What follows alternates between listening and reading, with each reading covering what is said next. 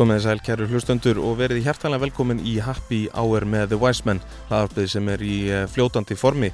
Nú, Wiseman eh, er í bóði landa frá Reykjavík Distillery sem er eh, frábær ilmur af íslenskri náttúru og jáfnframt eini löglegi landin á Íslandi. Það er þáttaröðin í fljótandi formi sem er hafinn að nýju þar sem Wiseman fær til sín fólk úr drikjarbransanum sem hefur eitthvað áhugavert og skemmtilegt fram á að færa í drikkjum og öðru sem bræðast vel. Nú umræðinni þáttanins að þessu sinni eru sætindi, svo ekki verið meira sagta í billi, en uh, í fljótandi formi hefur engar sérstakar spónsora heldur uh, vil Væsmann gefa sjátt á fyrri þætti með til dæmis Kambútsa Æsland og tefélaginu endilega tjekkiði á því. En uh, þá að máli málana Það er eh, mættur gestur sem er eh, selkiri selkirana, svo ekki verið meira sagt um að ræða fyrsta fælærða kokkin sem mættir í Happy Hour en á undanförnum árum hefur gestu þáttanins byggt upp eitt flottasta matvælafyrirtæki landsins að mati væsmenn. Út frá síðasta þætti í fljótandi formi var það eh, nokkuð raugrætt stefna að færa sig úr teheiminum og fjalla þessu sinni um hráöfni sem er eitt af vinsalsta í heiminum. Oftast nær í förstu formi hins vegar en á nefa alls ekkert verra í fljótandi formi og þá jafnvel með smá skvettu af rjómi og ekki verra ef uh, það er því síðan toppa með rjóma. Við erum að sjálfsögðu að tala um súkulaði. Takk hjá það fyrir. Hvernig ertu? Ég er bara mjög góður. Ég sé það frá þig sko. það er ekki erfitt ef maður er sífælt að vinna þessu alltaf daga. Nei, ég get alveg, það er svona sætt lífið hjá þér. Já, gott bönn hann. Nákvæmlega.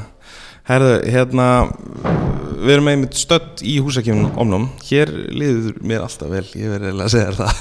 Já, það kvartar alltaf enginn yfir líktin hérna með hína nágrannun okkar sem er svona í meira í sjáarútveginum. Já, nákvæmlega. Þannig að þegar við erum að rista hérna þá erum við góður í samkeppni við Lísinsvæsmiðuna. Já, algjörlega. Það er svona auglega ákveðis eh, hérna, liktar kombo, en það ekki lísi og súkulega. Já, getur orðið mjög skrítið þú finnur það á sama tíma, sko. Nákvæmlega eh, Þetta er allavega tölvert uh, frábreið bensinstöðinni fyrirvandi sem þið byrjuðu því Jú, þetta er náttúrulega tölvert stærða við fluttum hinga inn núna, það er að vera komin fjögur ár síðan og letum ger, gerðum þetta upp allt sjálfur þannig að þetta eru núna, þetta eru árið 700 fermetrar, þetta var uppröðulega 500 fermetrar. Já. og við stækkuðum í síðasta sumar hérna, við sittum eiginlega akkurat hérna inni á því svæði sem við fengum. Já. það var aðalega til að stækka lagerinn og svo er hugmyndin að geta stækka framleysluna svo inn í þetta rými sem við erum hérna við hliðin á. Ok, ok. Sko, við ætlum að fara betur yfir þetta allt saman og, og krifja þessa mögnu sögu uh, hjá Omnum en allra fyrst, kjartan, langar með að leifa hlustundum að kynnast þér persónulega aðeins betur. Já. Uh, þú er náttúrulega drengugóður ég segi þetta mjög gott ég er náttúrulega lenn ekki að tala við leðilegt fólk sko, Nei, þannig ég vel mér alveg skemmtilegt fólk. Uh, þá ætlum ég bara hreinlega að spyrja þig hver er Kjartan Gíslason? Herði, ég er fættur í Vestmanniðum fyrir nokkurum áratugum síðan og óldstar svona upp svona fyrsta ára mín. Svo skoppaði hans á milli Skagans og Mósinsbæður og Kjalanis og svo endaði endur í Reykjavík. Uh, ég fór að læra kokkin svona upp úr, hvað ég hef verið 19 ára. Þannig að þá var ég svona einhvern veginn að detta úr framhalskóla og var ekki alveg að finna það sem ég langaði að vera að gera og fór eiginlega, byrjaði eiginlega bara að vinna í uppaskerinu hérna á Hótel Loftlum sem er natúra núna fyrir þá sem muni getið því. Já, já. og endaði svo bara inn í eldúsinu ég var svona einhvern veginn á leiðinu þanga en ég var eitthvað að draga lappina hvenar ég átt að byrja veru. Já, þannig að það var svona smá, smá leið en ég vissi alltaf að ég ætlaði eitthvað að fara inn í eldúsið en svo var ég líka með eitthvað svona draumum að fara í kvikmyndagerð og það ætlaði ég að klára kokkin fyrst og svo að flytja út og vinna svo kokkur á kvöldin og vera í skóladaginn en, já, já. en ég einhvern veginn bara fekk bakteríuna fyrir maturslunni og hef haldið henni við síðan þá þannig að svo svona tóku við nokkrar jobb hérna, var á Holtinu til dæmis og út frá því fór ég til Luxemburg að vinna með Hákonimár og Leo Lindster já, þar var við ekki Sverris líka stattur, þetta var team hann á sínu tíma. Já. Kom hérna heim og var að vinna á Vox og svo var svona síðasta svona kokkajobbi mitt það var á Dill þegar við vorum í Norrannhúsinu það sem við kynntust nú. Nákvæmlega, nákvæmlega ég man vel eftir þessum tíma uh, hvenar hérna svona ef við spólum aðeins tilbaka svona áður en þú byrjar að, að, hérna, að læra Uh, hvernig var svona kveikjan eða hvað var var þetta svona þessi klassiska smá aðtæklusbrestur fannst ekki neinu og svo einhvern veginn bara heitlaði svona matur og bragð og þess áttar Já, allir það ekki. Ég veit ekki alveg hvað það var við matinn sem er svona heilum fljóst. Maður var mikið að baka með mömmu þegar maður var yngri og það, svona, það varði eitthvað bara mjög öðlilegt fyrir mér. Já. En svo veit ég ekki, þegar svona, við fannst vinnan aldrei persónulega mikið skemmtilegt þá, sem er náttúrulega að lifa fyrir þessa vakta vinnu og hafa gaman á þessu, en ég fannst það persónulega aldrei gaman. Ég hefði meira gaman að búa til matinn fyrir ykkar en að vera í þessu, Já, hvað ég segja, í, í harkinu. já, nákvæmlega En já, þetta, ég held ég bara, hef sérstaklega gaman bara að vera að vinna eins og með bragð og gaman líka að kynnast hvernig matvæli eru búin til, bara eins og með súkulega til dæmis, það var bara svona, við kannski komum betur að setja það er náttúrulega bara forvitnin á baku hvernig hlutinni verða til, mm -hmm. saman með vín og annað, þessi gerjun og þessi, þessi hluti sem er orðin svolítið svona meira trendi í dag Já, að spá í, þetta lá allt einhvern veginn fyrir mér að svona reyna að krifja hlutina, hvernig þeir eru búin til. já Og þú ert svona Já. eðlisfari Það er svona svipað eins og þegar ég skrúaði sindum videotæki heima hérna á sinni tíma og setta aldrei saman aftur. Það, þurfti að fara með á versta en ég hafði mjög gaman að sjá hvernig hlutir eru að innan. Já, og alltaf verið með svona einhverja forvetni fyrir því að skilja hlutina. Já, nákvæmlega, ég tengi mjög mikið hvað, hvað það segja, sko.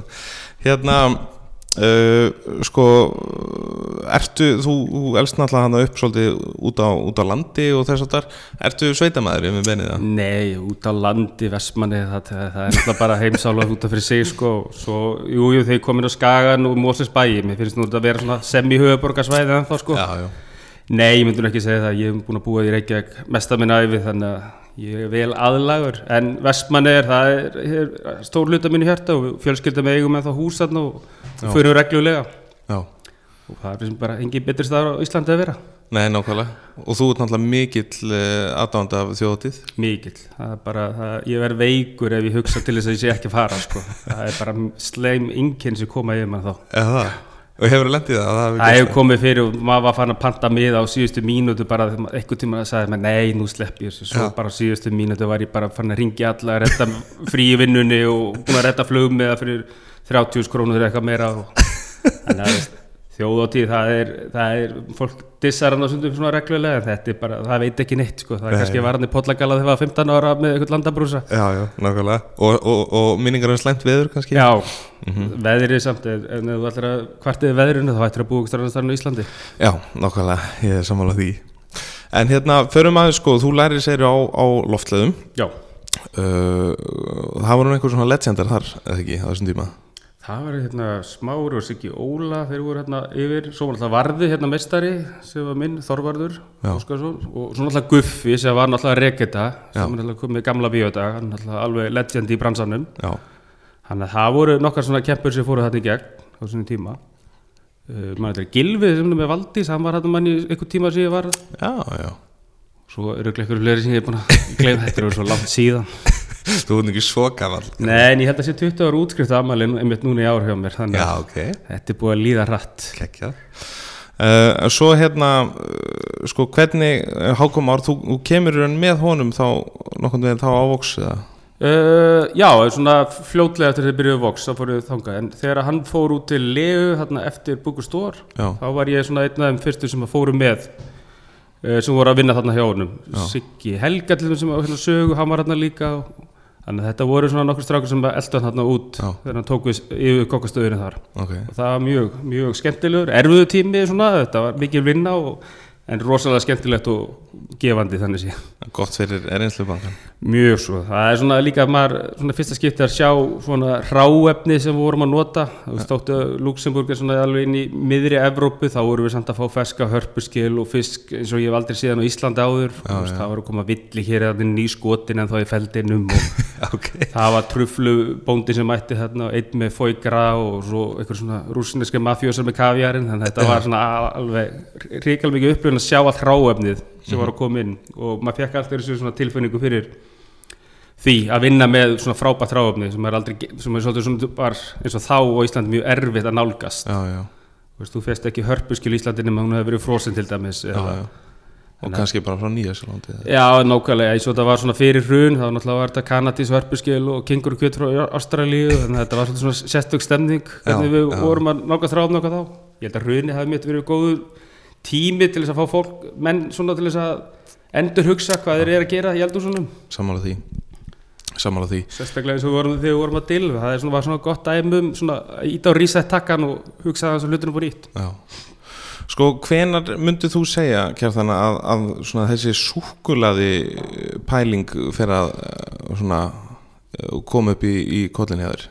Sko, ég held að ég hef verið svolítið fann að halla mér svolítið að desertdeildinni. Það eru margir kokkar sem er ekki dressalega svona, ekki segja hrifnir en svona forðastana svolítið, þeir eru betri kannski í vennilu eldamennskunni og svo ég hef alltaf verið svolítið skotin í desertunum og bakstri og mjög forröndin fyrir því að þetta er svona, eins og varum nefnaðan þetta er smá vísindi sem þarf að krifja og taka í sundur og þú þarf að vera nákvæmari og, og hann skipulaðri og getur ekki alveg svona að vinga þetta bara. Þetta Nei, þarf að, að þarf að mæla og vikta hverju uppskrift Já, og súkulaði sjálfsögðu er bara fyrir mér er svona ultimate desertin, er svona sætindin, nammið, hvað þú vilt kalla Já, svona, þetta er eitthvað það sem er svona verður til í náttúrunni, bræður sem verður til í náttúrunni, alveg svo náttúrulega ávextur og annað, en, en það er eitthvað við súkulaði sem við öll eh, erum ofta að reyna að setja fingurinn á hvað er nákvæmlega og getum ekki alveg útskýrt. Já, og það er nefnilega það sko, lyktin, bragðið, áferðin þetta er náttúrulega bara eitthvað sem er svo ótrúlega heitlandi og náttúrulega heilu ljóðin hafa verið saman um. Já, já og fullt á svona fræði þáttum einhvern veginn bara Já. eh, sem að ég, mér dettur strax í hug þáttur sem ég horfði hérna uh, sem heitir Delicious Science Já, með Michael Mosley. Já, þú veist, þar er farið yfir þetta. Þeir, það, er- hún hefur svo mikil, mikla fullkomnun súklaði, sko. Einmitt. Þú veist, jafnvægi í, í, hérna, í fyllingu og bræði og allt þetta einhvern veginn það, það einhvern veginn svona fittar perfektli Nákvæmlega Þannig að ég myndi segja svona það sem að svona kveikt í mér uh, þennan punkt að fara að eitthvað svona að fá meiri áhuga fyrir þetta var að við vorum stattir hérna út í New York ég, hérna Gunni Kalli og Eithur Rúnars við vorum borðað hérna á Per Se já, við kom, komumst þar í hátegismat og þar var einmitt eftir 12 eða 15 ári eftir þá koma desertannir í fleirtölu og það er alveg eitt súkulættdesert og það er þjóttninu útskýra fyrir okkur allt súkulætt sem var notið inn og ég átti náttúrulega að vona þegar ég var að nota valróna eða eitthvað þannig en já, þá var það súkulætt sem var framleitt af massbræðurunum sem voru með aðsetur þá í Brooklyn og voru að búa þá til svona eins og heitir á ennsku Bindu Bar. Já, og, og hann var útskýrið fyrir mig þetta væri bara mjög lítið maks eða búa til í mjög litlu rými og þetta væri svolítið svona sérstakt og það kveikti svolítið svona á hana því að ég maður þegar við fórum á sínum tíma og eldum einmitt hákom ára á Búkustór 2001 var það ekki? Já, og þegar hann lendi mitt í þrjóðsæti þá var okkur bóðið á skoða valrónavesmiðuna og það er fyrst sem ég kom inn í súkulaði framlýslu og, og sáraunur hvað er já, og það er svona satt alltaf í mér sko að já, þetta er kakoböun og það þarf að rista og það þarf að gera þetta. Að ég sá alltaf fyrir mig að þetta þyrfti að vera einhver svona stóru skeili þetta væri, væri ekki hægt nema þurfi væri með sér risa industrial tæki til að þetta til. En þarna voru þessi gaurar að gera þetta bara í einhverju litlu rými með smá tækjum. Já, að það er eitthvað svona kveikti í mér já ok. Þá náttúrulega kemur forveitin upp og veist, já. hérna, litli vísindamæður minn þarf að fara í ganga að kynna sér þetta og það svona byrjaði svona að googla og lesa til um og sjá hvað ég geti fundið um þetta og hvort ég geti fundið eitthvað svona græjur og langa að prófa þetta sjálfur. Þannig að þetta er svona hófst eins og ég segi, þarna kviknaði eitthvað nisti Já. í þessum hátegisveri þannig að Google fekk svona að kenna svolítið á, á því þarna. Þú eitthvað greinlega miklum tíma í þetta. Já, það er bara, ég held að Google og YouTube sé bara voru að koma á fullkomnu tíma fyr- Já. fyrir svona forveitna menn að kynna sér nýja hlutir. Já, og það svona tók hvað ég segja, það hefur verið þrjú ár frá því að við vorum þarna í þessum hátíðismat að, að omnum fer svona að verða til í höstum á mér Já. og hvernig við byrjum svona að vinna með það. Sko uh, talandum um hérna svo við svona skilgrunum þetta aðeins sko eins og úti, það er náttúrulega ástæð fyrir því að þeir eru með sérstakka pastry kokka. Mm uh, hérna á Íslandi þá er þetta einhvern veginn bara svona allt í, í öllu og, og svo ertu bakari og, og, svo náttúrulega kemur hann að konditorinn hvernig er, myndur skilgreina þetta allt saman? Uh, náttúrulega konditornámið er það sem er kent við danska námið. Já. ég man nú ekki hvort þetta voru tveggjara nám eftir að þú klára bakarinn á Íslandi. Já, og það er uh, eins og ég skilja best þetta er náttúrulega, myndir flokkast náttúrulega sem pastry chef nám, þú ert að Já. læra kökuskreitingar, þú ert að læra súkulega eftir þetta gerð mm og fleiri, ég er ekki með Nei, nei, það er ekki konditum að skjóta mig, ég veit að það er eitthvað núti sem er mjög, mjög umhuga um þetta vörumerki. Já, Eh, þannig að, já, ég, ég myndi segja að þess, þessi list svo innan veitingús, það er, hafa ekki verið mörg veitingús á Íslandi sem hafa verið með konditóra eða pastry chefa í vinnu, sko. nei, nei. ég maður sem fljótu bara eftir þegar apoteki opnaði þarna í, í setna skiptið. Og þetta Axel var ekki þá sem, eftir þetta kokkur og það sé ykkur sem er ennþá það líka. Já, og svo, ég veit ekki hvort að bláa lóni, Moss Restaurant þeir eru með pastry chef í vinnu hjá sér? Verið. Þannig að ég er svona, þetta er, eh, hvað það er eftirrétturinn náttúrulega veitingu sem hefur kannski verið svona eftir að hugsa líka hjá mörgum sko. Flestir eru að koma náttúrulega fyrir matinn og desertinn, þá saman hvað miklu vinnum maður leggur í hann, já, þá situr maður oft upp með marga skamtana og selda eftir kvöldið því að það er mega meira sem að selja frekar meira háfengi. já, já, En svo var þetta líka, eins og ég maður þegar vorum inn á holtinu, það var náttúrulega mjög góður uh, kultúr þar, þá vorum við með kreps og sett. já, já, já, Það, það var náttúrulega, einfalt að preppa og, og þjóttni klára hann fram í sal. Já, það var mjög eitthvað svona bestseller desert sem ég mann eftir sem ég sé sko. Já. krepsúsett, þetta verður svona eins og bara svona, það kemur bara svona flóðbylgja pöntunum þegar fyrsta pöntun fyrir gegn, Já. allir sjá þetta. Það er nefnilega, sko, þetta kveikin sko, þegar er eldur, reykur eða glimmer, þá náttúrulega elskar fólk það, þannig að krepsusett er í raun fullkomin desert fyrir svona Íslendingin, sko, algjörlega, og þetta selur líka eftir drikk hérna, eftir, eftir drikki já, já, já, já, nákvæmlega það þetta er í raun alveg snildar eftir þetta, sko, það mætti koma aftur með þetta að setja desertir inn í salin sko aftur. Já, ég er En bara ég veit ekki hvort það sé pláss núna fyrir svona vagna lengur. Nákvæmlega. Hérna, uh, sko, þannig að pastry chef, ég meina, þetta hefur séð úti, ég meina, þú veist, ég nefnir nú til dæmis bara eins og Jordi Rocca, mm er bara einhvern geggjaðist inn á ungi efer. ég er samlega Ég er bara, eftir ég horfið á hennan Netflix þátt, þannig að Chef's Table, já, ég bara, ég var mindblown, ég hef aldrei séð hann aðeins. hann er núna komin í súkulæð Já, já, það. Já, hann er, hann hérna byrjaði, held ég, fyrir svona 2-3 árum. Man, við sáum hann svona, hann lækaði nú einhverja fæslu okkur hjá okkur á Instagram sko. Já. og ég var svona, yes, Jordi Já, og svo, svo fór ég að fylgjast með honum og þá sá ég að hann var mættu bara til hérna Suður-Ameríku og Mið-Ameríku í ykkur svona kakó eftirlitsferð. Og hann var núna að opna, held ég, þarna þar sem að staðinu er, er, er sellar já, eh, svona súkulæði kaffús já, ok. og hann er byrjað að gera sitt eigið súkulæði og Geðveikt. komið verið með sitt eigið brand þannig að það er komin alveg kall inn á svæði núna sko. Geðveikt. Þetta er mjög cool.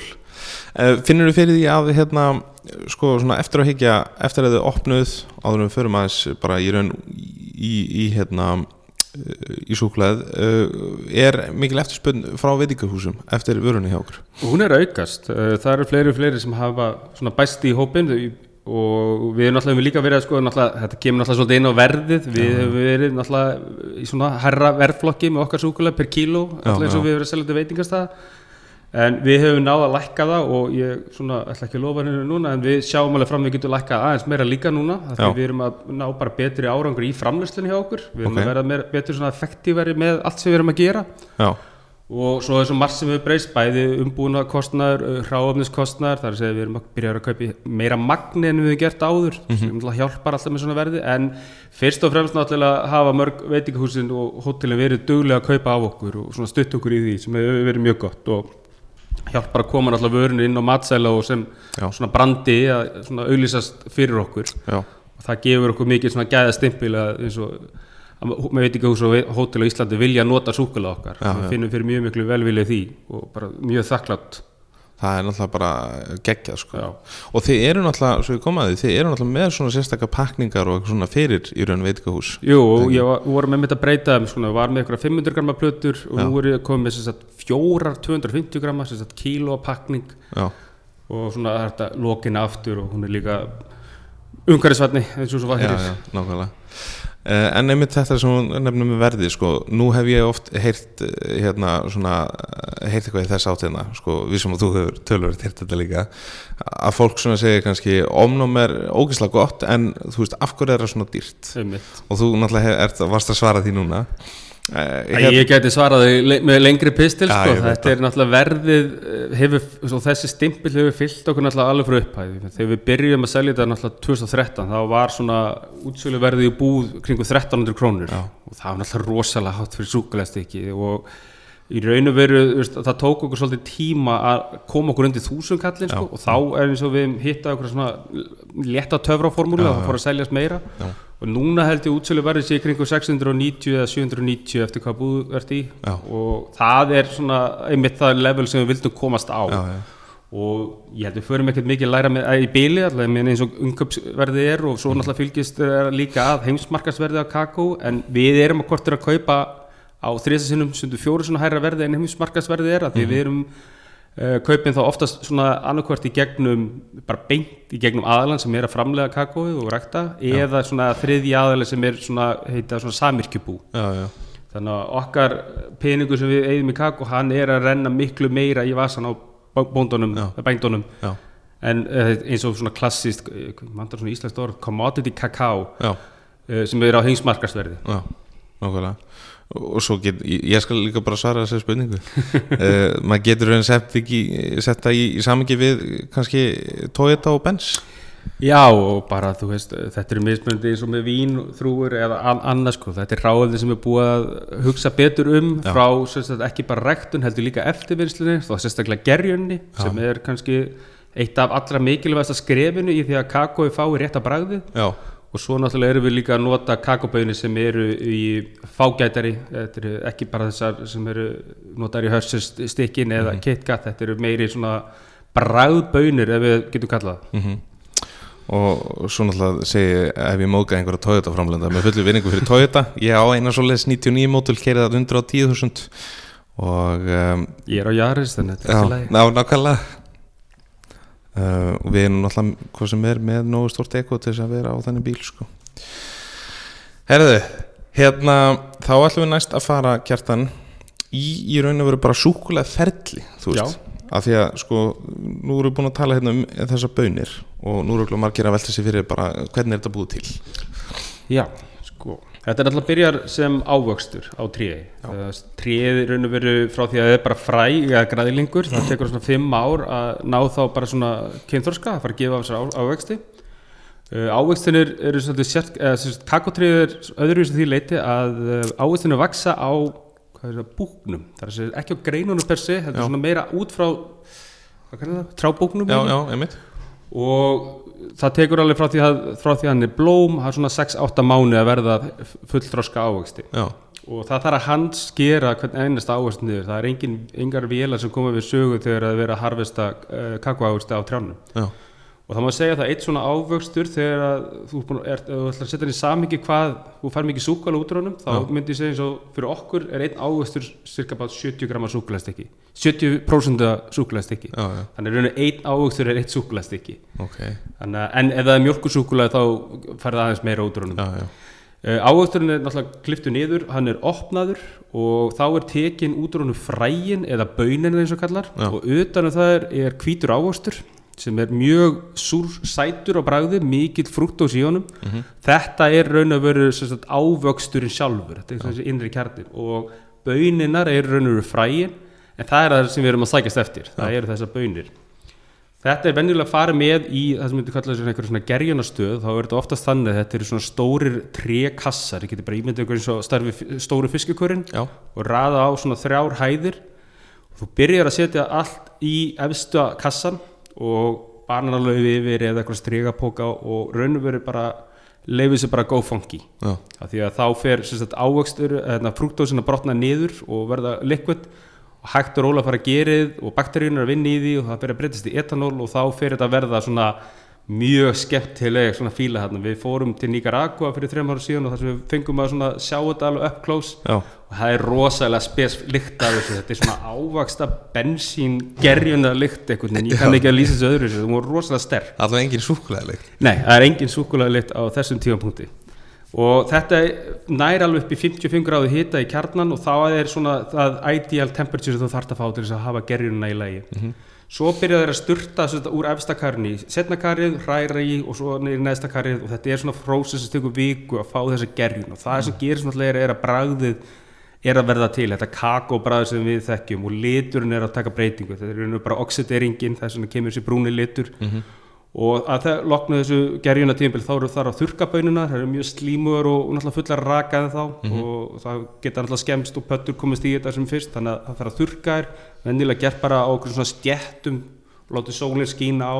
Já, og það er kannski svona annar vikuprósess og svo er það bara settar í póka og geimdar alla svona í nokkra mánuði áður en ykkur eins og við myndu taka við þeim. Já, já, það þarf svona að hjálpa að láta raka en það renna út úr þeim. þetta náttúrulega gerist allt áður en við fáum kakobönur inn í hús og þarna er náttúrulega búið að vinna rosalega mikla vinnu því að ef það er ekki kakobönur verður ekki gerjaði rétt þá ertu ekki að fá þetta rétta svona bragð og það er þetta það er alls kynns hérna vísinda og nördaháttur í gangi baku gerjunum hvað þú getur bragð þú getur kallað fram úr sömu já, til að mynda eins og í Nicaragua þá erum við að nota kakobönir sem að eru að heita Opayo en við getum fengið þær í fimm mismunandi afbreyðum af gerjunum ef við viljum. Og Já, ok. þá geta alveg bræðast frá því að vera bara fullar einhverju valnetu eplabræði yfir bara að vera einhverju sítrus uh, blómabræði sko. allt eftir bara hvernig þeir hérna, kött á gerjunna Já, og í meiri svo getur að fara út í svona dimmara bræði svona meiri sveppa tré reikbræð Svona að Já, tóma einhverja miklu svona jarðkendara ef þeir láta bara hérna gerjun að ganga lengra sko. þannig að þetta er svona einhver svona vísir sem að sér þetta byrjar allt búalega frúti Já. fyrir eitthvað svona middle ground og svo endar þetta í eitthvað svona mjög dökkum ro- robust bráðum sko. Og þetta er bara á þessu stígi Já. Bara á gerjunu stígi bara gerjunastíðinu það er náttúrulega sem við gerum þegar við fáum kakabönni í hús það er náttúrulega fyrsta skrif er að rista þér og þá náttúrulega erum við að fá annað bragð, Minna, við borðum þar ráar þegar að koma inn, við fáum svona hugmyndum hvernig þetta á eftir að smakkast en ristunum náttúrulega tekur þetta annað Já, og þar einmitt þegar við vorum svona að byrja að gera tilhörna á þessu þá bara gera þetta í heimilisofnunum heima. Já, ok. bara rista þetta alltaf þar og alltaf frábær lykt heimið með fyrstu sex mánuðina. Og bara náðu alveg fram á gang og nákvæmlega heldur bara að ég var alltaf með einhverja hérna, skúfugöngu í gangi. Uh, svo þegar við svona fóru að færa með þetta hérna svona meira industrial level og þá fekk ég með þann Torfa frá Reykjavík Rosters til að hjálpa mér að gefa mér nokkuð tips eins og þeir eru að taka kaffibönnum hjá sér. Já, og í rauninu er, er þetta mjög svipu vísindi og þetta er svona að reyna að hægrista þær en svona skjóta inn hita reglulega til þess að svona aðeins að accelerata prósessinum. Kjarnitin er aldrei yfir 130 gráður í bönunni þannig að þú far aldrei beskjubráð nei, heldur eftir svona íta betur undir blóma keimin eða ávasta keimin sem er í bönunni Mhm. svo látum við kakabönur að kólna eftir það. Það eru afhýtar, svona aðferð sem heitir að vinnóa það. Er að við brjótum þær og tökum skilin af. Mhm, og þetta er svona ríksjóð sem sérum þetta allt fyrir okkur. Já, já, og svo byrjum við að búið til massan. Það var að hakka niður massan. Og náttúrulega kakóböðin er 50% fita. Þannig að þegar þú byrjar að mala niður nibbunar já, þá fer, fara þær náttúrulega myndast náttúrulega núningur og þá hitna þær og þá fer fitan að flæða og það er það sem við viljum gera, við viljum láta fitun að flæða. Getið svona ímynd ykkur eins og hnetusmjörsvílinn í hagköp þegar þið ítið á takkan og þær brotna niður, það er sami já. þú ert að búa til þennan massa og svo ertu bara að fara að fínvalsa hann og eins og við gerum við fínvölsum hann alltaf í 48 klukkutundir. Mm. þá erum við bæði að ná áferðinni sem við viljum hafa hana og líka að losa okkur svolítið mikið við af svona síru og rókjörnir lykt úr kakobunni við erum svona mellow hann aðeins út. Ok, og raun og veru bætir svo bara sigri við þarna og þá ertu komið dögt súkulæði og svo er hlutfallið þannig ef þú ætlar að gera 70% súkulæði þá notar þú 70% af kakomassa og 30% af sigri já, ok. Já, Þa, það er basic 70% súkulæði eins og það er alltaf að gera mjölkusúkulæði þá kemur alltaf nýmjölku duft sem við notum Já. og það er alltaf að vera þurft það er setjum alltaf ekki hérna feskmjölka úti eða rjóma. Nei, heldur er þetta nýmjölku duft þurkað uh, og það er blandað saman við ásamt kakosmjöri kakosmjör er raun og veru það er, nú er, nú er komin rosa útskriðin, kakosmjör er raun og veru fitan og kakobönni sem er búið að pressa úr massanum. Ok. Og við kaupum hana sérstaklega inn til þess að blanda með og þá færið meira flæði í blönduna. Já, og svo náttúrulega sigur það náttúrulega gefur þetta svona, svona, svona fyllingu, svona svolítið textjúr Jú, og við setjum öllítið af kakosmjöri líka í dökkasúkulega okkar til þess að það verði ekki of þygt það verður svolítið erfitt fyrir okkur að tempra þetta í vélunum eða þetta væri ekki með kakosmjöri þó að það sé hægt en það er aðeins já, og svo náttúrulega svona myndi segja þriðji flokkurinn sem er kannski kemur engin kakobun við það, það er kvítasúkulaðið Já, og já. sá flokkur þá þurfum við náttúrulega ekki neina kakobunir að halda hér innan því við kaupum tilbúið pressa kakosmjör sem er fairtrade og lífrænt. Og þá er bara einhverju krytti eða eins og í lakrísúkulega þá notum við þurrkaðan lakrís út í það. Uh, karmölu súkulega sem vorum að byrja með núna þá erum við búin að baka nýmjölku dufti til að fá svona karmölu keim í það.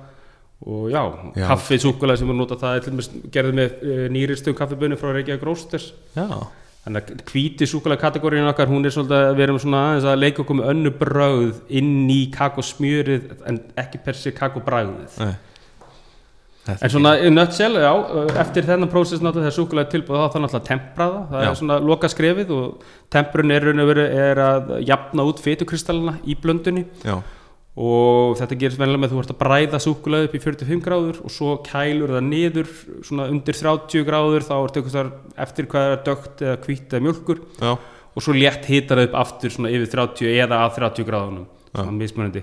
Og þá ertu einhvern búin að strauja út alla fytukristalinn og þá færði þess að glansandi áferð á súkulegaplötuna og þú veist, þú getur leikið með þessum skraut, settið í form, já, hvað sem er eða þú ert í konfettmóla eða eitthvað þannig slíkt. Já, og þá er raun og veru súkulega bara tilbúið til átu í raun og veru er það tilbúið til átu ótemprað en svona þegar við sem finnist product Mhm. þá þarf náttúrulega að vera búin að tempra. Til þess að það sé svona Instagram-vænt að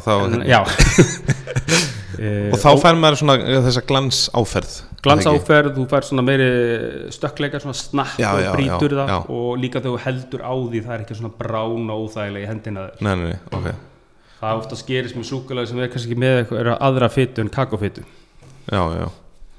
Ok, þannig að þetta er, já, einmitt krispið, svona ef maður tekur til dæmis súkulegaplötu, bara Já. af, af ómnámsúkulegi, það er óbæðslega fallegt hljóð þegar þú brýtur þú veist, bita. Já, það kemur svona léttur smellur. Já, við sjáum hvort ég finn eina plötu hérna og við getum komið með þetta upp á mikrofónum. Já, nákvæmlega. Er með Madagaskar 66% Já. Þú sér alveg svona glansan á henni. Já, nákvæmlega, og ef ég færi þetta hérna upp á mægnum já, þessi smellir sko, kom. já. Þannig að þetta er alveg alveg on the money eins og við segja. Nákvæmlega. Sko, uh, talandi um hérna um, Sko, Omnum er þá stopnað í raun og veru uh, hvaða ár?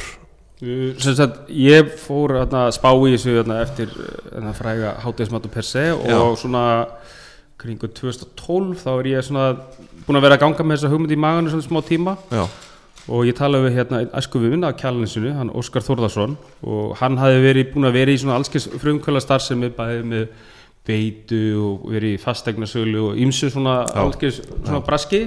Æ, þú veist, ljótt orð brask en hann er svona aðtaflamæður hann er aðtarnamaður og, og mjög duglegur í því. Og við höfum svona alltaf talað saman að kannski að fara í ykkur business og ég vissi aldrei hvað það gæti verið kannski veitingastæður, mér langaði að opna bakari og það var svona aðal hugmyndin opna bakari, svolítið í anda bröð og kó og þetta er svona áður um bröð og kó kemur. Já, já, en með svona að búa til sitt eigið súkulega líka. Og þá var svona hugmyndið að gera eitthvað súkulega snúð og það er eitthvað svona bindubar súkulega notað í hann. Já, já, og við rættum þessa hugmyndið hans fram og tilbaka og hann var einmitt að leiðin til New York. Þannig ég bentur hann að kíkja hérna á títnemda Massbræður í Brooklyn. Já, og hann skoðaði það og þá svona, hann var ekki alveg að skilja hvað ég var að tala um því að búa til að það er svolítið Maður kaupir bara einmitt, þetta er bara eitthvað sem kemur úr póka eða eitthvað í nammi gangi sko.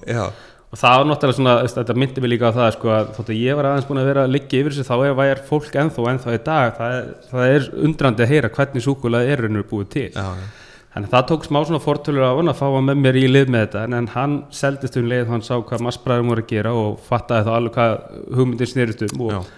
vildi gleyma sér að baka þessu hugmyndi í bili og bara einbæði sér á súkulegagerðinni sem að ég held að það hafi verið svona hefði verið betri í nálgun og mér dreymir en þá um að komast í eitthvað svona peistriker já, Uh, þaðan fórum við og bara að finna okkur út svona litla græjur sem ég gæti verið með heim í eldhúsinu. og bæði til þess að mala og svo til þess að afhýða bönnunar en fyrstu bönnuna sem ég kefti voru 2 kíló sem ég ristaði og handpillaði alveg yfir heilli seri og soprano og hérna alveg komið blöður og puttana. Svo fundum við svona vél sem að gæti afhýtt bönn, hérna skilina fyrir okkur. Já, og við fönum bara stað að alltaf gera þessa hugmynd. Og ég var svona komið með nafnið sem bara svona eitthvað djók í hausnum, omnom, þetta var bara eitthvað, ég fannst þetta öruglega svona hljómasnalega en það var svona vinnuheitið. Já, og ég fæ hérna félagið minn sem er hönnur, Andrei Vissas og hann er frá Suður Afríku og ég sendi hann svona hugmyndir um hvað ég er að gera og spyr hvert hann hefur áhuga að vinna eitthvað umbúða hönnun. Já, og hann var meirinn til í það og fyrir að senda mér alls svona skissu tilbaka og þá man ég að að nafnu omnum þá logo eins og lítur út núna þá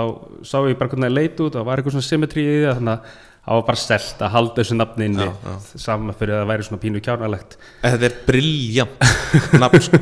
það var eitthvað svona, svona við fundum svona já ok, þetta getur verið svona disarming nafn skilur, við ætlum að taka súkulega alvarlega en við ætlum að hafa gaman að því. Þannig að kannski er gaman að hafa eitthvað svona smá svona silly nafni í þessu.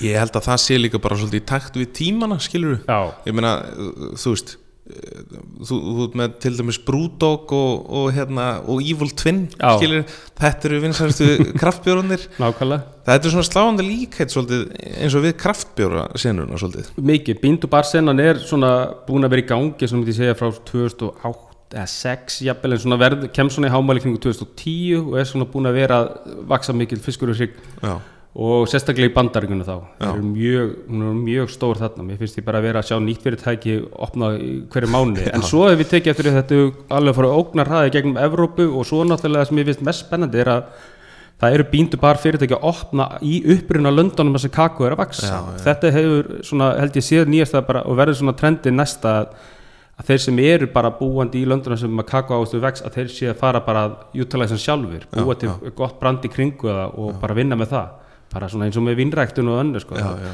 þetta er náttúrulega verið svona, það er náttúrulega, hvað ég segi, þetta er svona þessi hluta þessari nýlendu stefnu náttúrulega að Mhm. það sem er mikið svona hryllingsögur sem eru ennþá eiga sér stað Mhm. og sérstaklega í Vestur Afríku þar sem mikið um badnaþrælkun þannig að það er verið að kaupa, taka allt kakóið það og svo bara fara með ykkur selginsvesmu í Evrópu já, að núna eru svona eins og meiri eins og ég segi Indonésiu, Guatemala, Kólumbíu þar, og Ecuador, Peru verið að opna svona sin eigin súkulavesmu með sitt eigi kakó. Já, meiri seitt bandarísku gaur í Hawaii sem er að búa til eina bandaríska súkulaðið, teknilega skilur hvað er því að vex, kakó í Hawaii Magnað, eitt spennandi sem er, er búin að fylgjast með það er bæði í Malasi og veist, þetta er að poppa, Vietnam Já, þar já. er, eru þetta tveir frakkar að nota engungu Vietnams kakó og raunur svona, hvað er að segja jumpstartuðu þessu aftur af því að Vietnamar hefur bara ekkert verið að gera neitt við þetta, þau hefur bara verið að selja þetta til stóru súkulavesmiðunar og svo föttu að þeir eru mjög frábæra afurð þarna sem er þetta að gera miklu betra súkulag úr. Já, þannig að það er svona nýja trendið allavega eins og ég er að sjá hvernig það er að gerist í dag þetta er að komast meira til uppræðanlandina það er ógæslega flott. Já, og, og, og þarft og, talandi um þetta ég meina, þú veist, mættu ekki líka aðeins skoða eh, meira í kringum okkur hvað er hérna til á Íslandi bara? Jú, og það er eitthvað sem ég hef til þess að verið að skoða mikið og náttúrulega mjólkin er náttúrulega svona aðal hráðum sem notum fyrir Íslandi. Já, og við erum mjög, mjög góð á mjólk það er ekkert út af hann að setja við erum ekki með marg, mörg lífra mjólkubú á Íslandi allavega enginn sem framlega mjólku, eh, framleiðir mjólkuduftur en mjólkin sem við notum er einstaklega góð og við unnum til dæmis fyrir tveim ári síðan besta mjólkursúkulæðið á International Chocolate Awards. Já, og það var sem 2018 og það var einmitt í, frá dómur, það var hérna Milko Nicaragua Já. súkulæði, þess að kakóbeinu sem kom frá Nicaragua og svo íslensk mjólk. Og þar kom þetta í umsögnum frá dómurum að, að mjólk, mjólkin var á mjög háu leveli og, og ég fengi það svona frá öðrum kollegum minn í bransan, til þess að einni sem er hérna súkulæðgerðar maður, eh, kona frá Brasilíu. Já, hún var mjög inspire þegar við, hérna, hún byrjaði að smakka mjölkusúkulega og vildi fara að gera mjölkusúkulega að hún ringdi mér þessi MS og reyndi að kaupa íslenska mjölk til þess að flytja til Brasilíu. En fekk það ekki, ég veit ekki hvort að MS nefndi ekki að senda það þangað eða það var bara dýrt að shipa það. Já, en að hún dó ekki ráðalist þannig að hún fann eitthvað mjölkubú í Brasilíu sem var með Cows m- hérna mjölkubeljur já, og er að kaupa bara hreina mjölk af þeim og svo senda í þurrkun til þess að nota í sem alveg briljant það sko. er alltaf bara og, hún dó ekki ráðuleg hún dó ekki ráðulega sko. mér er svo gaman að hún ætlaði fyrst að kaupa íslenska mjölk og fara bara með til Brasilíu sko. en það er bara alveg svo við erum að kaupa kakobunni frá mið og söður Ameríku, Afriku og, flytja til Íslands og búið til náttúrulega- þetta er náttúrulega pínu klikka sko. já, já, en við svona eh, það er okkur í haga, við hefum okkur einlega góða mjölk á já, móti það, því um það. Og svo hef ég verið að leika með með eins og byggið sem við erum með hérna á einu hvítu súkulæsi sem er raun og svart. Já, já, Uh, þetta er svolítið svona öðruvísi nálgun en uh, móðir Jörð, þessi til Vallanessi, Já. eru með eina lífræna bygg í framleyslu í Marja og við notum það ofan á súkulaði hérna sem er kvöldur black and burnt barley. Og við erum svona að nota mjög mikið ristabygg sem við, við fáum frá Ölfusvalti já, sem við verum notað í svona porter á stát já, og svo tökum við byggið frá Vallanessi förum með það hérna í popversmiðuna hérna í Garðabæ, hérna stjörnupopp og látum poppa það fyrir okkur. Þannig að það var svona að fáið svona ræs krispis áfyrir það Já, og svo húðum við það og setjum við ofan á. Þannig að, og svo fullt af salti náttúrulega líka svona við erum að nota salt frá saltverk þetta eru svona þau aðalega íslensku hráöfni sem við höfum komið að í Já. blöndunni hjá okkur sko. Þetta er náttúrulega þetta þarna, uh, black and burnt, þetta er ógeðslega gott. Þetta er náttúrulega allt, allt öðruvísi heldur en við hefum nokkuð Jú. tíma að smakka það sko. Þetta er svona, er svona skemmtilegt slís þetta súkulega í raun og Er við, sko, ég var að vinna þessari uppskrift sem var sem þetta hvíta karmelisúkulega sísandi toffi og við höfum verið með hérna svona bjórpörunarkvöld með hérna borgbrukkús og þeir komu með humla með sér og mismunandi styrkleika í ristuðu byggi og, og fleira svona dót til þess að leifa fólki að smakka með. Já, þegar við vorum í uh, brygginu, eða smakkinu svo skilja þetta allt eftir og við fórum eitthvað fykta við að setja þetta út í hérna karmelusúkulega sem vorum að vinna og sjá hvort það myndi breyta eitthvað bræðinu fá eitthvað svona smá beiskju og móti sætunni og, og það bara kom eitthvað allt annað bræðum að vona á, við köllum þetta svona burnt toast já. brent rista brauðbræð og við heldum áfram að búa reglulega til að því við vorum bara fann að geta þetta sjálfur alveg hægra já, og við vorum svona líka að leifa uh, fólkin sem kemur hérna í túra það er sem við erum með uh, túristar sem koma hérna reglulega svona tvö, klukkan 2 okkur en degi. Við bjóðum upp á hérna alla virka daga og við leiðum alltaf smakka eitthvað eða eitthvað í tilhörun eldhúsinu og þetta súkulega var bara að fara að slá svo mikið gegn að hafa var ákvað að taka næsta level og sjá hvort við getum ekki fundið ykkur vöru úr þessu ok. Þannig að þetta er svona skemmtilegt slið sem varðið að svona súkulega sem að, já, er orðið okkar eitt af vinsalast í bandaríkjum til dæmis. Magnað. Þannig að alltaf þegar við erum að fara á svona vörusýningar þar þá er þetta svona þetta er svona conversation starterinn Þetta alltaf meikar fullkomni sens, þú veist, út frá, ég meina, þú veist, amerísku viski, Einmitt. fattur og þeir elska barley og eitthvað svona, þannig svona multi flavor Já, svo er þetta svona smá svona umami keimur sem kemur þetta líka með sko já, þetta er ríkilega skemmtilegt. Uh, en hérna, sko, uh, talandum, sko, súkulaði og svona drikjar pælingur, við, við erum nú, við erum kannski aðeins að pæli því að þátturinn heitir í fljóðandi Já. formi við erum búin að vera mjög mikið í föstu formi sem er allt í góðu uh, af því að þetta er nú bara svona ég meina þetta er eitt af, af vinsælstu rálum uh, í heimi súkulaði uh, það keppist aðalega við vanilu held ég bara svona fyrir eftir mismandi hvað er svona bræðefni, já, Já. ég skilji uh, annars fyrir eftir á hvaða vígvöllum maður er að skoða það sko. Þú ert í ískerðinu þá er Já. það tvö vinstalist alltaf Ég held að jarðabær séu þrjósati Já, nokkuðlega og svo, svo náttúrulega, þú veist ef maður tekur við með af, af bandarækjumannum til dæmis þá er náttúrulega held ég að salted caramel sé að koma mjög hátt upp sko. og smá peanut butter. Já, já, já, ok, glemma því. En hérna, sko uh, eftir þetta koktelar til dæmis, þú veist, þar eigum við tvo, sérstaklega sem ég tók, tók hérna og það er hérna koktelin Grasshopper. Ok, já, uh, þar sem að vera með uh, kremdiment eða myntu og uh, svo við með hérna, Brandi Alexander þar sem erum með konjak í grunn og alltaf kallar þetta á kremde kakao sagt þennan svona súkulega líkjur og ég meina hver mann ekki eftir Mozart líkjörnum? Já, hann er ennþá til. Já, já, hann er enda sko einhver staðar las ég að hann hafi farið í dvala um tíma. Já, já, og svo voru einhverju snendingar sem að endur fóru að að hérna, vekjandi lífsins. Mozart, ekki hinn eina sanna líkirinn hérna uh, sko er, stendur eitthvað til varandi það?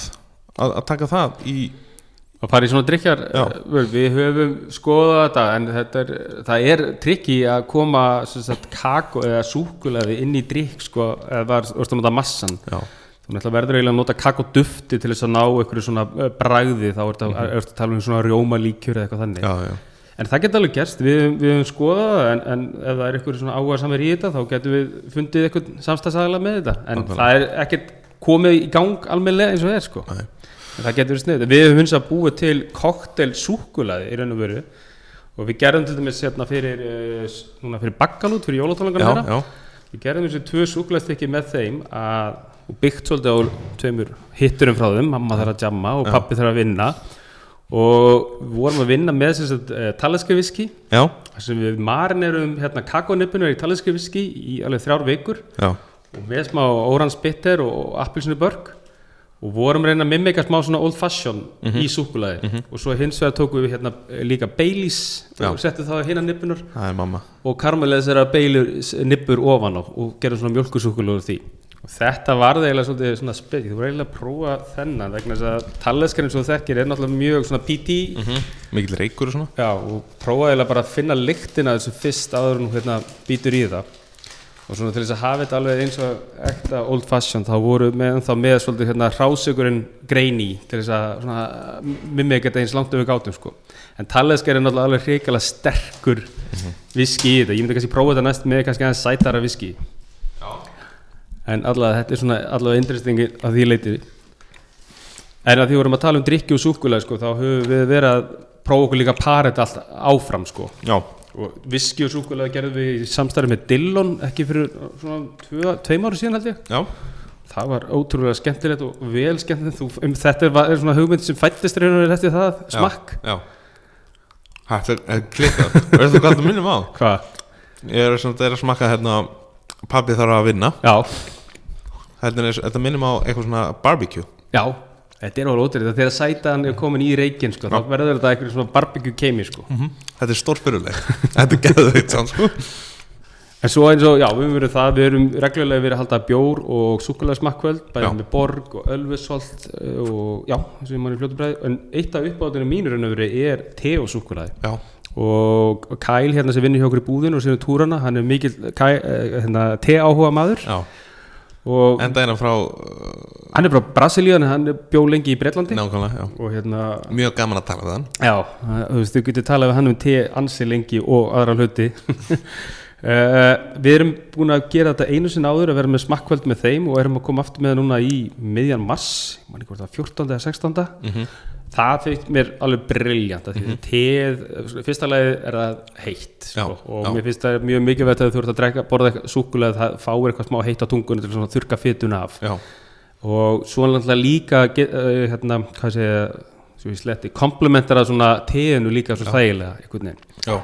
Kaffi náttúrulega sjálfsögur líka það er aðeins sterkara en briljant og svo náttúrulega vín sem Já. er svona uppáhald flestra. Já En þið hefur verið, einmitt, talað um það er með tefélaginu, eða ekki? Jú, Já. Uh, Sjátat á þau, þau voru hætti á, á hérna af, í fljóðandi formi. Við gerðum einmitt hérna te-súkulegur öl grei hérna te mitt frá þeim trublaslega gott. Já. veit ekki hvort við getum sett það í framlýsla því við settum svo mikið öl greið og þetta var svo briljant Þetta er náttúrulega sko Þetta er náttúrulega örgl í raun og veru að te er í raun vinsalisti drikkur í heimi á eftir vatni. Já, það er magna Það er enga veginn hægt að sjá það á Íslandi sko. Nei, ég var ekki nokkuð að vissi þetta Já, nák Nákvæmlega. Uh, uh, nákvæmlega. Það er, það er góð spurning sko. Uh, Eða eitthvað annað, Crystal Plus eða Pepsi Max eða Uh, ég, ég veit ekki eins og hvort það ég en það er alveg mál. Uh, hérna uh, svo er það sem sagt uh, þessir svona koktelbittir svona drópabittir Já, það er alveg briljant sko. Mhm. Og, og maður hefur verið að sjá sko súkulaði í allskins koktelum ekki endilega bara í einhverjum svona rjóma koktelum sko. nei, uh, þú veist, þessi tiki drikkir sko, með rommi og svona. Nákvæmlega. Uh, þetta, þetta bræðið einhvern veginn er rosalega gott í svona undutón Einmitt. Stundum er að krydda stundum fara bara að vera svona natúrulegt en það Já. kemur með þess að þægilegu bisku sem Já, ofta er í þessu sætu koktela nákvæmlega þannig að já, mjög spennandi hvað er þetta að gera með það. Og, já, og ég er líka bara eftir ekki saman með því að sko, ég meina við náttúrulega finnum þessi grunn, fimm grunnbrögð í raun og veru. Beiskjan er svolítið vannmyndin hún er það. Það er svona, það þarf að vinna með hana rétt sko. Og talaðu um það af því að það er eitt súkulegstykki sem að við höfum ekkert til þess að fela okkur á bakvið annað en bisku og það Já. er 100% súkulega frá kakobönni sem kom frá Peru sem heitir Granativo Blanco. Og 100% súkulega byrjaði svona að trenda fyrir nokkrum árum síðan sem átursúkulega en ekki bara eitthvað svona maturslu súkulega það er margir peitur sér sem kaupa 100% súkulega því þeir vilja stjórna sætumagninu sjálfur í hvort þeir eru að gera mús eða ís eða eitthvað annað. En svo fór að bera, hefur verið að bera svona meira á því að búa þetta 100% súkulega fyrir fólk að borða og þetta er ekki endilega fyrir alla að borða 100% súkulega margir kannski gera þetta af heilbriðis ástæða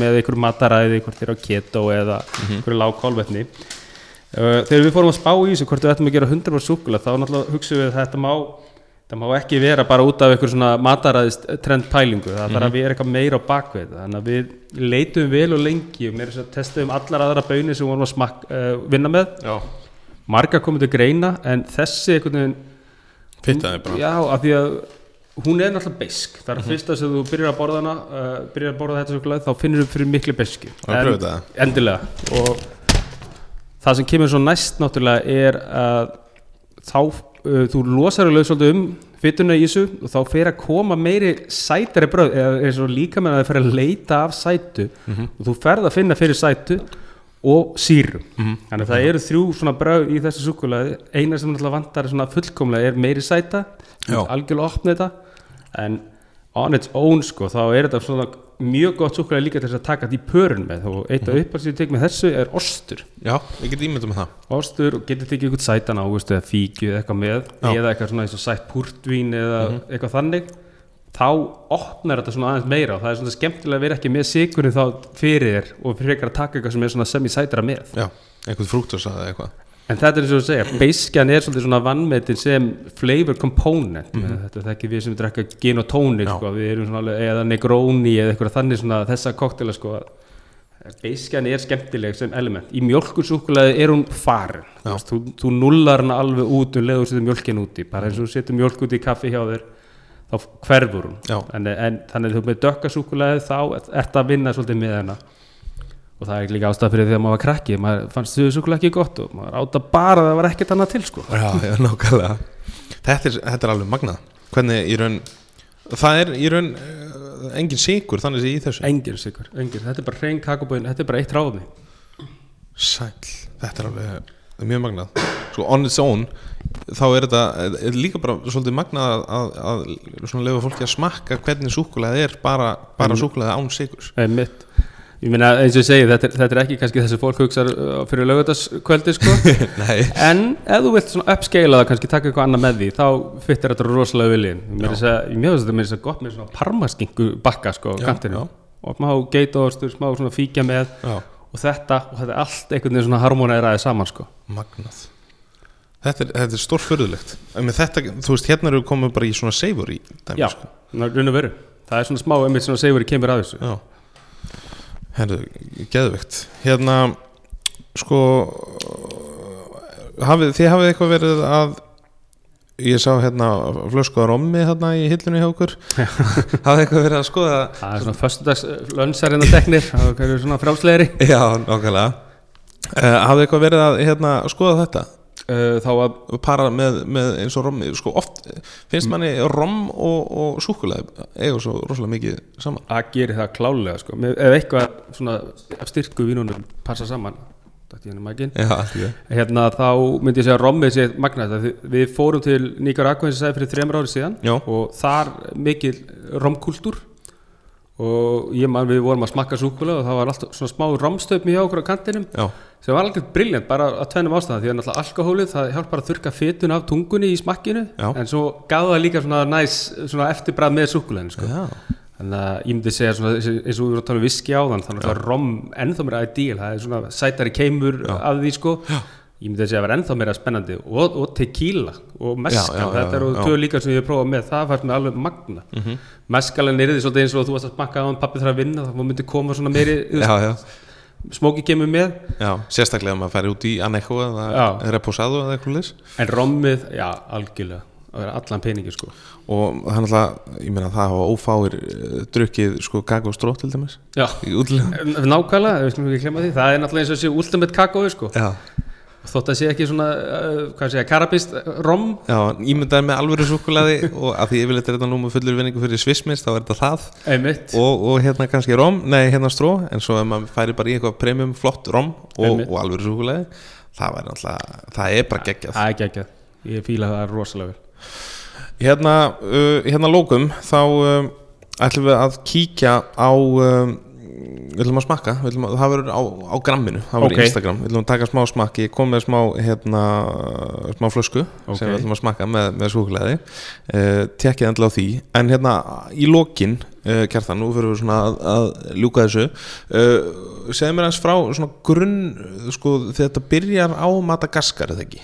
Svona, já, ég ætti að útskýra af hverju ég fjall svo endalega fyrir þessu sem að vilja fara að gera þetta að einhverjum business að það var náttúrulega ég eins og bara margir aðrir eins og ég segi, vissi ekkert hvernig súkulega var búið til eða svona hvað munun eftir upprunalandi myndi skipta máli. Já, og bönir sem voru að koma frá Madagaskar hafa eitt svona mjög sérstakann bræðkeim mjög sítrus keimur að þeim blóð, appelsinu, sítrunu, appelsinu bræð og svona rauð ber, hinber, kissuber sól, ekki sólber hérna, rifsber og þetta er svona, þú nánast getur bara dreppinu hvar sem er í Madagaskar og fundir kakoböin og þá finnur þessi bræð eiginleika. Og líka liturinn, hann er svona svolítið rauðkendur Já. af Madagaskar böninni þannig að það var þessi frútines sem eitthvað svona kikkaði við mig og sagði þetta er eitthvað öðruvís en an annars úkulega sem smakka já, og það er svona kikkað inn forvitnin og ég hef alveg verið ástfangin af þessu Madagaskarböðin síðan þá.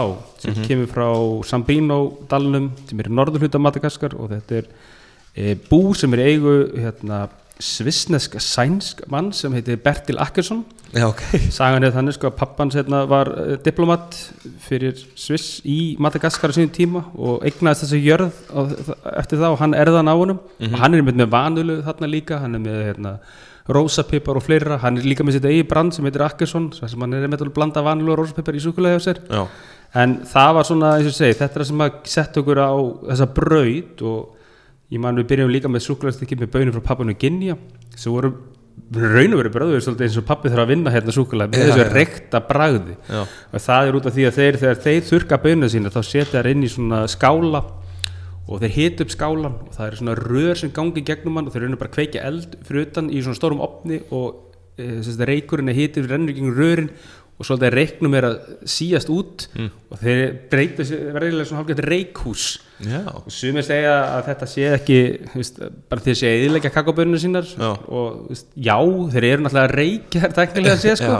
en það er eitthvað ótrúlega sérstætt við þetta bræði sem að maður bara gæti ekki að hætta að borða sko ok. Þetta er pappan í, Papanu Ginja já, en svo þegar við fórum svona aðeins að leggja mér áherslu á öll upprunavottor og vita um allt hráfni sem voru að nota uh, hvort það er hérna lífræna merkingar ferð treyta þannig þá fjallu þeir á prófinu mm. varandi það, þannig að við ákvæmum að hætta að nota það og við verðum svolítið ta- taka svolítið strangt núna að, að það verði alltaf að vera vottað hvort, uh, sérstaklega með lífrænum pappir uh, íslenska mjólkin er ekki lífræn en við vitum það mikið um hana, hún er allavega framleitt á mjög sjálfbæran hátt Já, eins já. hægt er en allt annað, alla kakobönur, kakosmjör, rásikur svo framvegist, þetta fyrir allt gegnum vist ferli sem við uh, fengum ráðgjöf hjá fyrir nokkrum ára síðan frá uh, ráðgjöf frá Bodyshop í raun og veru Já, ok. þetta, er svona, þetta kom það er svona önnur saga, við erum með sagt, fjárfesta inn í omnum sem kom frá Sviss Já. og þeir hafa hjálpað okkur rosalega mikið að vera með bæði fyrir brandið og eins og hráðumsöflun að vera svona gauka á okkur réttu hérna, ráðgjöfunum. Já, já, og þessi bodyshop ráðgjafi hún hérna, stólum við nafninu núna hvað hún heitir uh, hún kom okkur svolítið í, inn í vist kerfi hvernig við metur áhættuna í hráðum sem kaupir. Þannig að þú ert að kaupa einn kakóbeinu frá Afríku frá hvað hér að þig uh, er, eitthvað vottun á bakveg, er eitthvað fertreit á bakveg svo framvegist mm skilja og kanna alla virðiskeðina áður í takja ákvörðan að kaupa. Já, já. og það er að meðal hefur eins og súkulega bönir frá Dóminerska lífildinu og pappan og Ginju falli á þessu prófuð og við hefum þá hætt að kaupa það inn þannig að það skiptir okkur náttúrulega rosalega máli að vera að leggja okkur fram inn í þessa umræðu og svo náttúrulega líka bara þetta hefur á umhverfið uh, Svo er hérna svona skemmtilegt uh, það er náttúrulega þetta er náttúrulega bara best fyrir fólk að skoða inn á bara ekki? Jú, það er ja, .com .com Já, að sjálfsögðu. ammonchocolate.com omnumchocolate.com uh, Hvað hérna svona rétt í lókin hvað er núna er við já, ég verð að koma einu hérna. Sko ég veit ekki hvað þið settuð í þetta síðasta súkulega sem ég gerði þetta með Borg. Það, það er bara á einhverju öðlu leveli sko já, ég bara ég ætla að gefa frúnni þetta sko. Já, og hún tók eitt bita og það var rosalega gott og ég tók eitt bita og svo enda með því að ég slátraði því bara sjálfur. Bara þannig að ég heila skuldinni einu á blötu sko. en hérna, hvað er svona uh, næst á döfinni? Uh, sem, það er náttúrulega páskar. Mm uh, það er svona næsta. Það er að næsta, það er þessi karakter hérna fram á okkur, hann heitir Mr. Carrots eða Herra Bullrot já, og hann kemur út í mjög talmarku magni já, ég þetta ekki út hérna. Já, býtu svona, Já. við erum að gera hann í mjög talmarku magni eh, kring rétt undir þúsund sem við búum til. Já, þetta er smá handavinna að búa hann til þannig að það er bara dett í það sísón hjá okkur núna. Já. Og svo er bara sumarið og við erum strax farin að leggja línuna fyrir jólin raun og veru sko. Það er þarf að hugsa þetta nokkuð skrifa fram í tíman já, algjörlega. Uh, sko hvernig, þetta er náttúrulega sölustæðir út um allt, já, það ekki mikið og svo erum við svona aðal útflutningslandi okkar í Bandaríkin Já. sem er svona kannski 20% af veltun okkar já, og er búið að vera auka skrýðarlega og við erum svona, við erum duglega að fara á vörusýningar þar. Og það er mitt plana, við vorum að einn í janúar í San Francisco, við erum að fara aðra núna í New York í júni og svo verðum við Seattle í november á stærstu súkulegsýningur í Bandaríkanum ok. Þannig að það er mjög spennandi markaður, við erum bæði með okkar einn vestlun í Amazon amazon.com og aðra sagt, sem sagt omnomchocolate.com sem er svona á ebjötölum bandarækjamanna sko. þannig að við Já, getum shippað hvar sem er í bandarækjunum úr þeirri verslun. Við erum þessu- í samstæri með vöruhúsi sem er í Portland, Maine Já, sem já. sjáum að, að delivera öllum pöntunum þar. Þannig, og það er raunum við bara frekar bara nýlega að koma á laggina, kom svona í gang fyrir jólin. Uh og við sjáum mikil tækifæri í þessu þegar þetta er svona algengasta spurningi sem við fáum, hvar fæst omnum bæði hérna heima og svo náttúrulega í bandaríkjunum. Og svo höfum við verið með eh, einn útlýningsaðaleg Þískalandi sem hefur verið að sjá svolítið um Evrópu fyrir okkur. Já, og einn í Svíþjóð. Og svo eru nokkri svona einstakar verslanir í Japan, Singapur verið að kaupa inn hjá okkur líka. Já, og raun og veru er bara sífælt verið að banka dyrnar hjá okkur Breitland glimti þess að nefna það er hérna aðalega þar líka að fá fleiri dreifinga aðalega fyrir okkur. Já. Geggjað. Þannig að það er smá vöxtur í því. Já, spennandi maður. Og þess vegna þurfum við eiginlega að stækka framlýslinn hérna í rýmið hérna við hliðin á þess að sem við erum núna. Já, já, já. Hvað, hérna, hvað eru margir starfsmenn hérna hjá okkur? við vorum að tellja þetta sem núna, það eru 24 sem eru komnir hérna vinnu núna. Geggjað. Með okkur Óskari uh, töldum. Já, þannig já, ok, það er alveg massa batteri orðið bara. Þetta er orðið svona, það er söludeildin það til þrjá núna, það er kannski svona orðið mesta stekkunni þar, sölu og dreifing fjö, þau eru fjögur fyrir ekki teknilega sem, sem sjáum lagar og dreifingu og, og sölu. Já, og svo náttúrulega framleyslan sjálf það er náttúrulega uh, svona unnið smá vökt, við erum byrjað svona smá vaktavinnu þar og svona vinna okkur sjá hvað við ráðum við að bæta við í framleysluna já, þannig að við erum svona svo náttúrulega erum við hönnuð í vinnun við erum með markastjóra, við erum með fjármálastjóra þannig að þetta er allt svona eins og öllum fyrirtækjum. Já, já, já. Geggjað, það er náttúrulega ríkalega gaman að búa að, hérna, að, að fylgjast með ykkur að vaksa að takk fyrir það. Hérna uh,